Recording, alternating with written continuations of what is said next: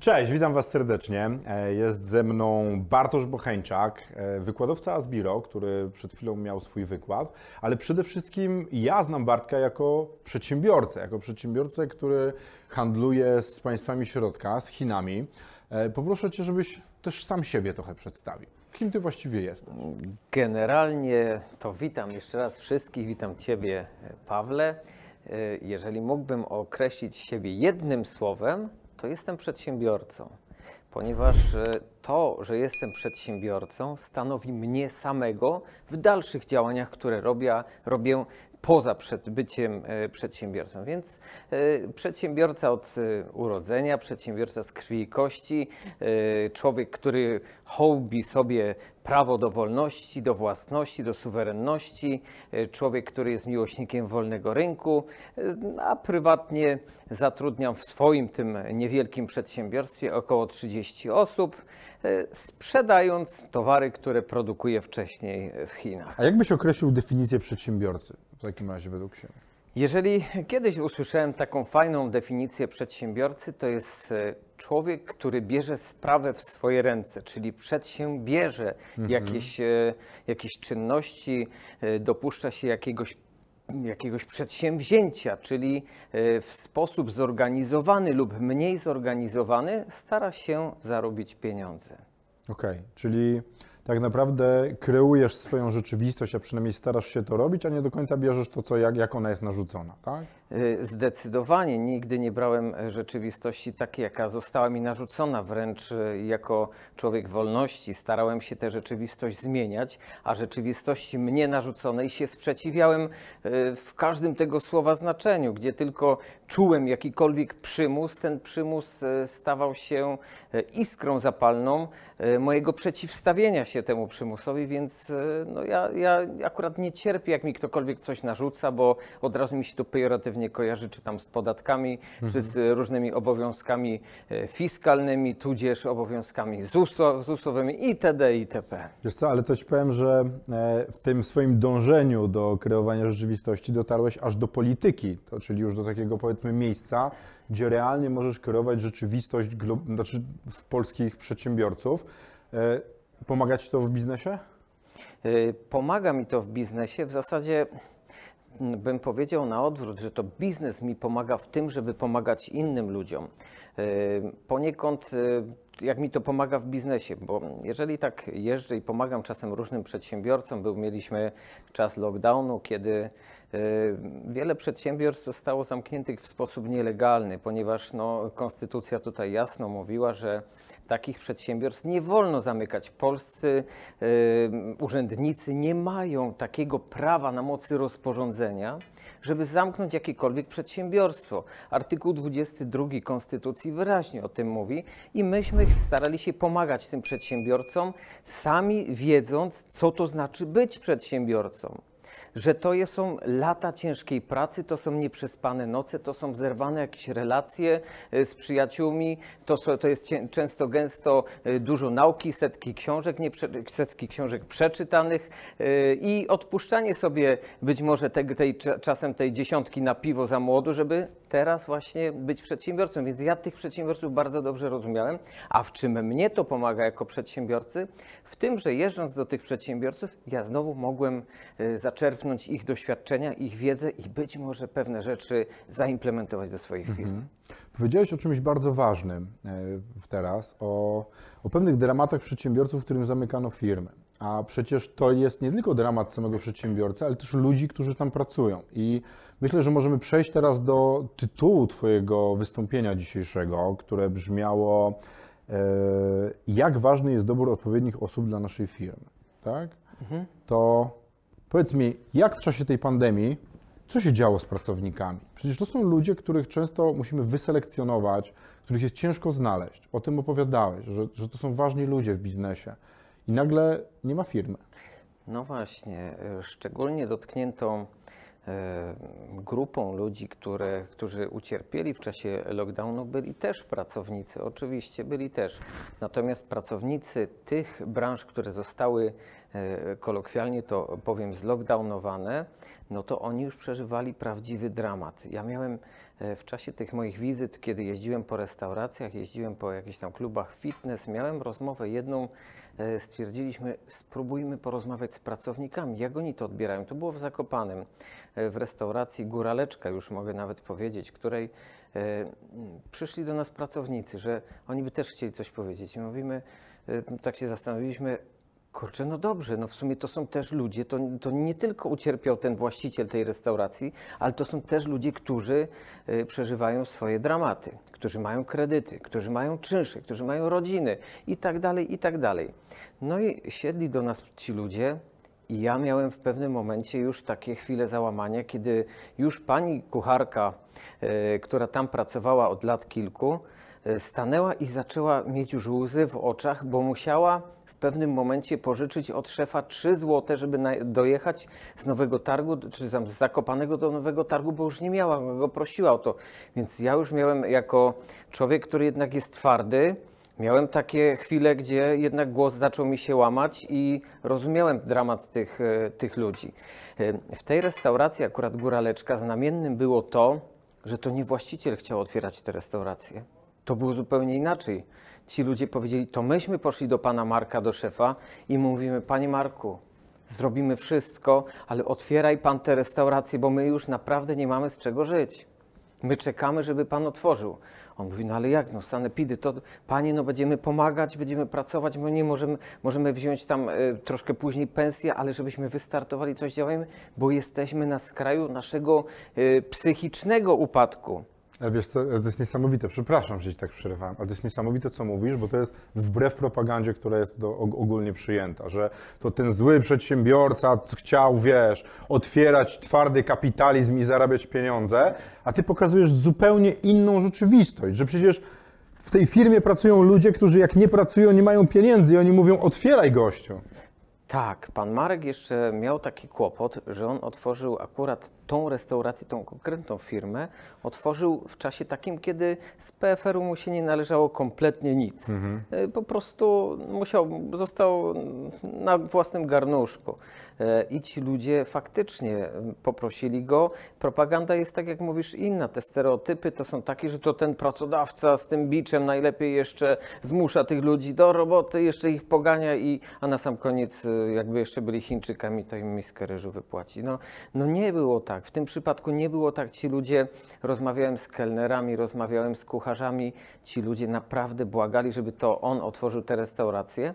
I on się przychylił do tej prośby, ryzykując y, 30-tysięczne kary.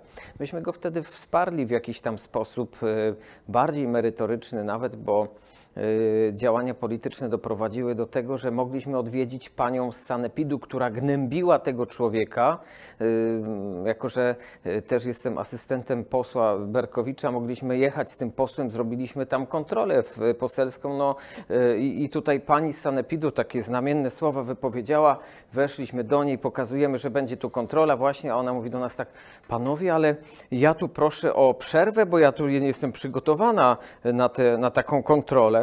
A poseł Berkowicz odpowiedział, pani, y, pani dyrektor, no pragnę tylko nadmienić, że przedsiębiorcy, jak wy do nich przychodzicie, nie mają komfortu prosić o przerwę, jak prosicie ich o dokumenty. Więc no, no pani tutaj była bardzo zdruzgotana. Ten pan Marek otworzył sobie e, w październiku, już w styczniu czy w lutym i do tej pory miał cały czas otwarte y, dwie kary 30-tysięczne, które dostał, zostały mu umorzone dzięki też wsparciu jakiemuś tam y, merytorycznemu, prawnemu. Więc Świetna robota. więc tak robiliśmy z kilkoma restauracjami. Y, Poznaliśmy przedsiębiorcę, który ani na jeden dzień nie zamknął restauracji w Krakowie, bo po prostu no, był, był to, było to miejsce, gdzie testowano jedzenie. I on zaczął ten model, myśmy mu powiedzieli, "E, Paweł, ty powielaj ten model, ty powielaj ten model i on to robił za darmo. Ludzie do niego dzwonili, powielał ten model, myśmy ludziom mówili, dzwońcie do Pawła, on wam da jak to robić. No, na tym testowaniu jedzenia też odbiło się to źle na moim zdrowiu, bo ja jeździłem od restauracji do restauracji testowałeś. i ten lockdown mnie 7 kilo kosztował, więc, więc wiesz, e, tak, to, tak to się stało. Niemniej dla mnie to była potężna lekcja takiego takiej polskiej przedsiębiorczości. Jak ja potem słyszę gdzieś tam z rządowych e, źródeł, z rządowych mediów, że to e, dzięki rządowi przeszliśmy suchą stopą przez, ten, przez ten, tą kałużę kryzysu, to, to mnie się krew gotuje, bo uważam, że właśnie przez takich przedsiębiorców, jakim był pan Marek, jakim było setka innych przedsiębiorców, to Polska e, staje na nogi po tym lockdownie. To powiem Ci, czuję, jakby się opowiadał normalnie o tych latach zaborów, w których trzeba było przetrwać i pójść do przodu. To zupełnie ta historia tak brzmi. Tak, to i właśnie mi się to już tak, z taką e, troszeczkę okupacją kojarzyło, z taką partyzantką, bo pamiętam, jechałem też do Warszawy e, i można było też e, wziąć sobie jedzenie na wynos i tam wjechałem sobie do takiej małej knajpki, zupełnie totalnie z czapy, że tak kolokwialnie powiem. Wjechałem sobie do tej knajpki i pan mówi, co by pan zjadł? No, no flaczki bym zjadł i, i coś tam, już nie pamiętam co tam wziąłem, flaczki. No ale gdzie pan będzie jadł te flaczki? Taka starsza babina już się, gdzie pan te flaczki będzie? Ja mówię, no w aucie, mówię, jakoś sobie zjem. Chodź pan. Odsłoniła kotarę, ja się patrzę, tam 10 osób za kotarą wcina te flaczki, rozumiesz?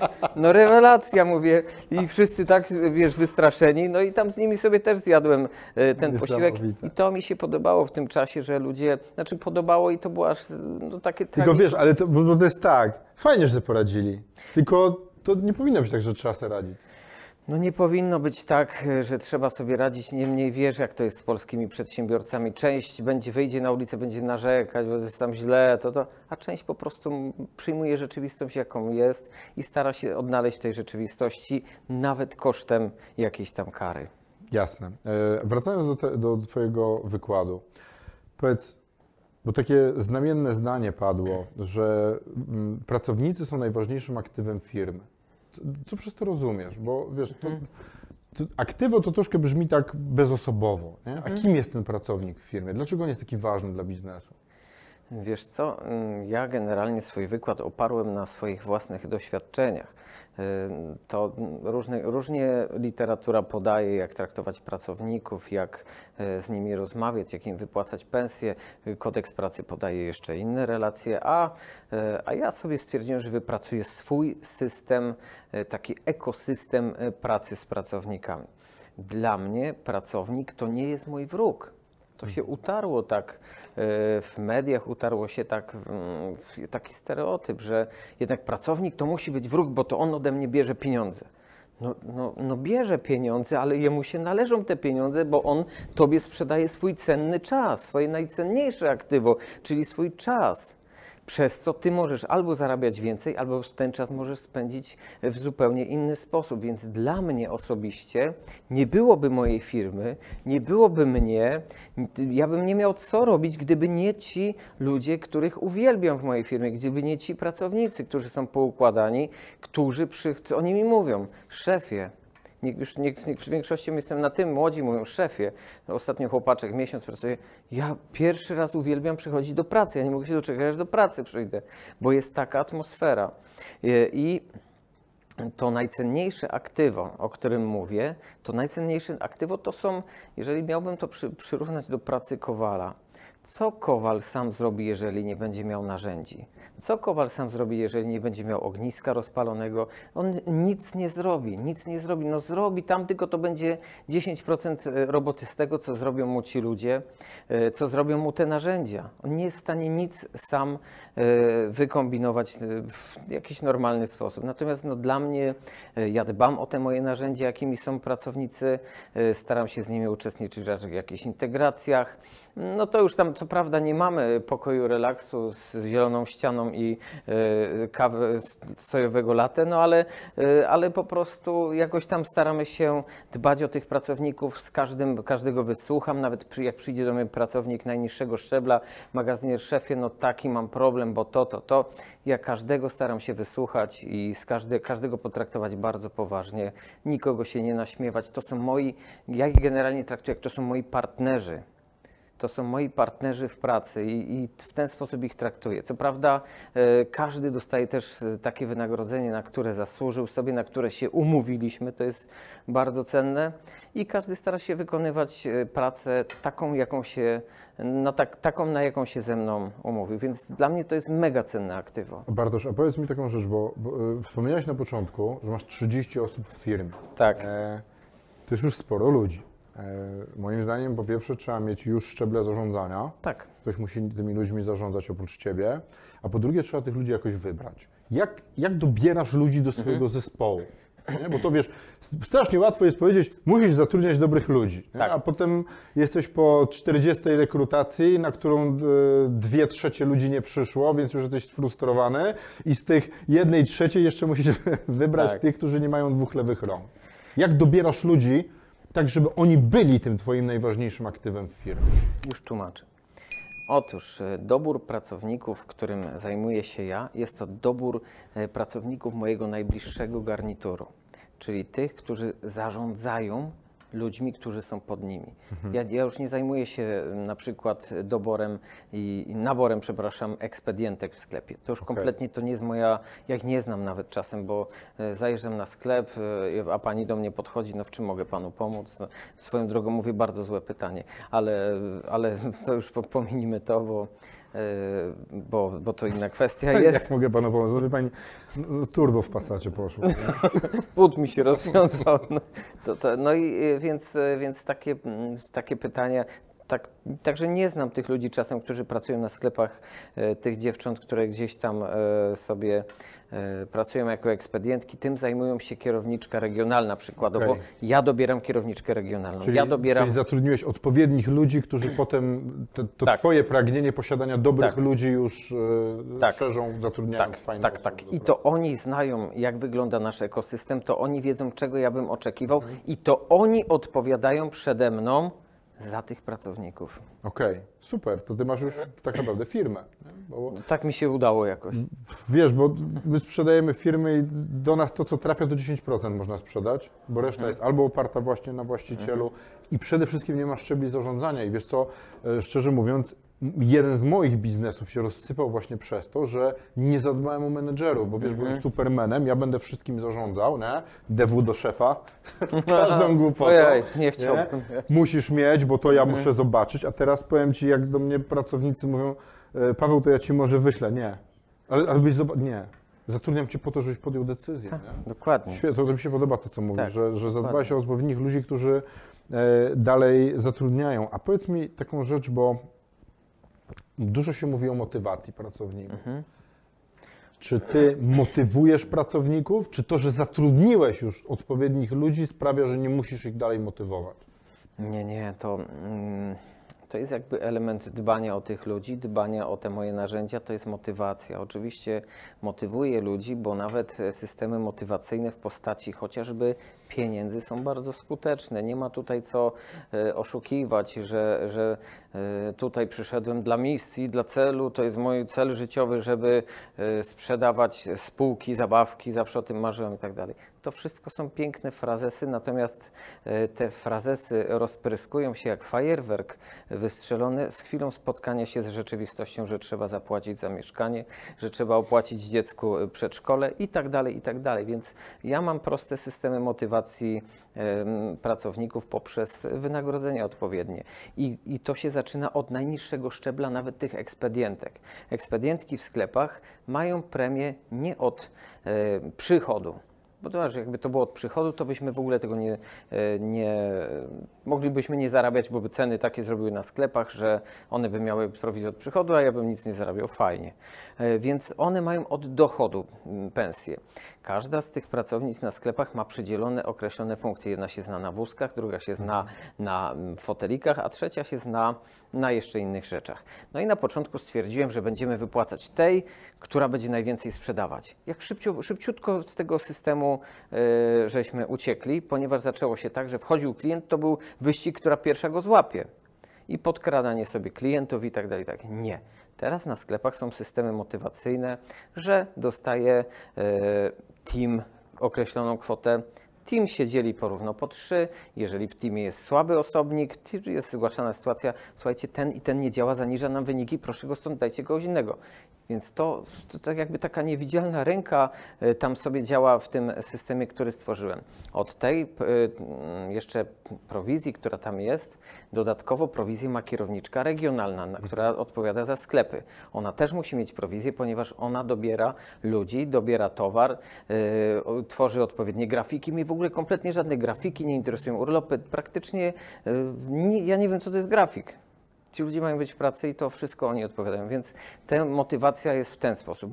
Drugim ważnym systemem motywacyjnym jest atmosfera ponieważ y, dowiedziałem się już po raz, który pracownik mówi, szef, ja tu pracuję za mniejsze pieniądze, ale tu jest zajebista atmosfera. A tu jest zajebista atmosfera i ja tu, mnie, mnie się tu przyjemnie wstaje do roboty, bo tutaj nie ma jakiejś pogoni, nie ma wariatów żadnych, nikt nie goni, jest to firma, widać rodzinna, szef y, potrafi mnie to wysłuchać i tak dalej, i tak dalej. Więc no, to, tak, takie rzeczy. Nie mamy jakichś tam y, pokoi No wiesz, relaksu. no, ale na przykład, bo zobacz, bo to, co powiedziałeś o systemie motywowania, y, w ogóle w biznesie wiele osób stawia na gwiazdy, nie? że ty sprzedajesz najlepiej, ty jesteś super, a jednak tak nie jest. Słuchaj, mógłbym Bartku z tą gadać prawdopodobnie ileś godzin, Chętnie. a już nam się czas dzisiaj skończył, ja Cię prawdopodobnie zaproszę do siebie, ale dziękuję Ci bardzo za Dzięki, dzisiaj dziękuję. i mam nadzieję do zobaczenia. Bartosz, e, wykładowca Asbiro, polityk i przede wszystkim, jak sam o sobie powiedział, przedsiębiorca. Dziękuję Paweł, Dziękuję dziękuję. Państwu. Czym różnią się standardowe studia od Asbiera? No przede wszystkim e, tym, że e, wykładowcami są praktycy. Nie są to profesorowie, teoretycy, którzy bardzo dużo wiedzą, ale nie mają doświadczenia w działaniu.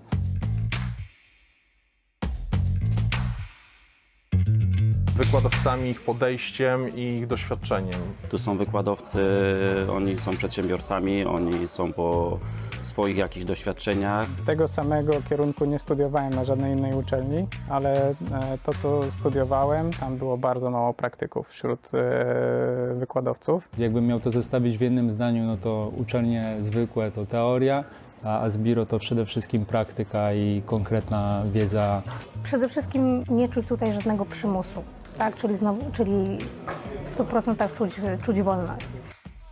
Na pewno różni się strukturami, panowaniem, doktorowaniem i wymienianiem tytułów, to, to, to na pewno. Ja tam studiowałem na trzech różnych uczelniach, w trzech krajach i zawsze jest taki dystans. On jest mniejszy czy większy, ale on zawsze jest, a tu jest taki duży luz.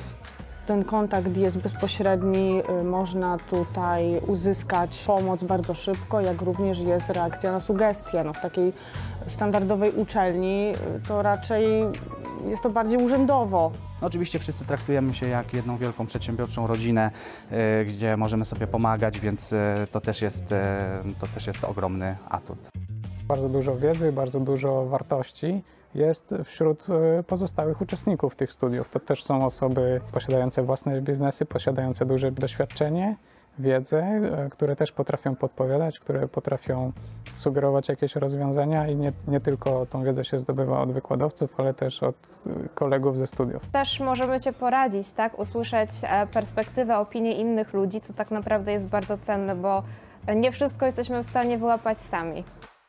Też fajną rzeczą jest to, że są nagrania z wykładów, e, że możesz sobie to potem odtworzyć i, e, i przerobić jeszcze raz. Cała platforma online'owa, nagrania z wykładów, to wszystko też jest bardzo pomocne, żeby sobie odświeżyć, coś przypomnieć. Czego na razie większość uczelni w sumie nie oferuje zbytnio. Na pewno wsparcie, chęć zrozumienia i wgryzenia się w nasze biznesy. E, opracowujemy nasze konkretne case'y, więc to nie jest wiedza, która jest teoretyczna, tylko od razu rozpracowujemy swoje problemy, Każdy bierze za zbiro to, ile chce. Nie musi uczyć się tego, co go nie interesuje, tylko uczy się tego, co naprawdę jest mu potrzebne.